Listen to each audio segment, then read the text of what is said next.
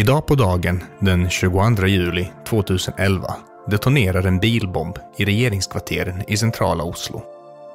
Klockan har då strax passerat halv fyra på eftermiddagen.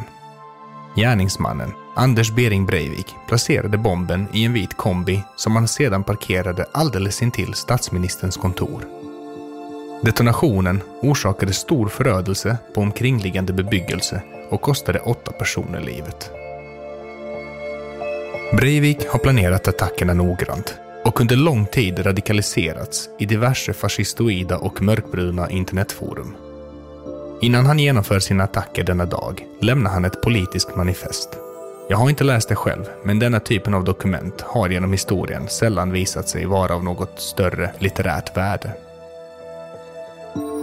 Efter bombningen i Oslo beger han sig norrut där han förklädd till polis och under namnet Martin Nilsen bordar färjan MS Storbjörn som tar honom över Tyrifjordens vatten och till ön Utöja där det norska socialdemokratiska partiets ungdomsförbund har sitt årliga sommarläger. Väl på ön utger sig Breivik för att vara polis och att han kommit för att titta till ungdomarna på grund av den sprängladdning som detonerat inne i centrala Oslo, som han alltså själv utlöste. Det har då passerat cirka en och en halv timme sedan detonationen inne i staden.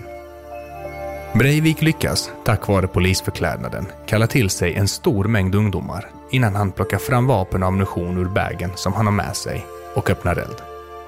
I över en timme löper terroristen Anders Bering Breivik amok på ön och avrättar nästan samtliga ungdomar som han kommer över.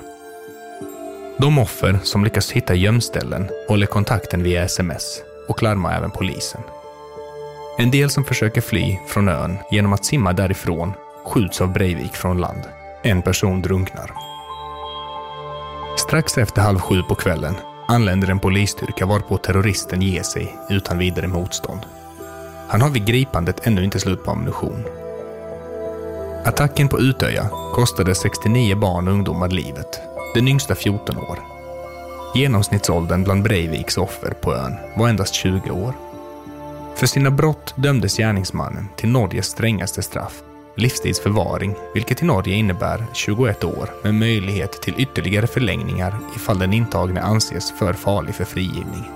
I teorin kan straffet därför innebära att gärningsmannen faktiskt sitter hela sitt liv. Att Breivik någonsin kommer släppas ut är i dagsläget högst osannolikt.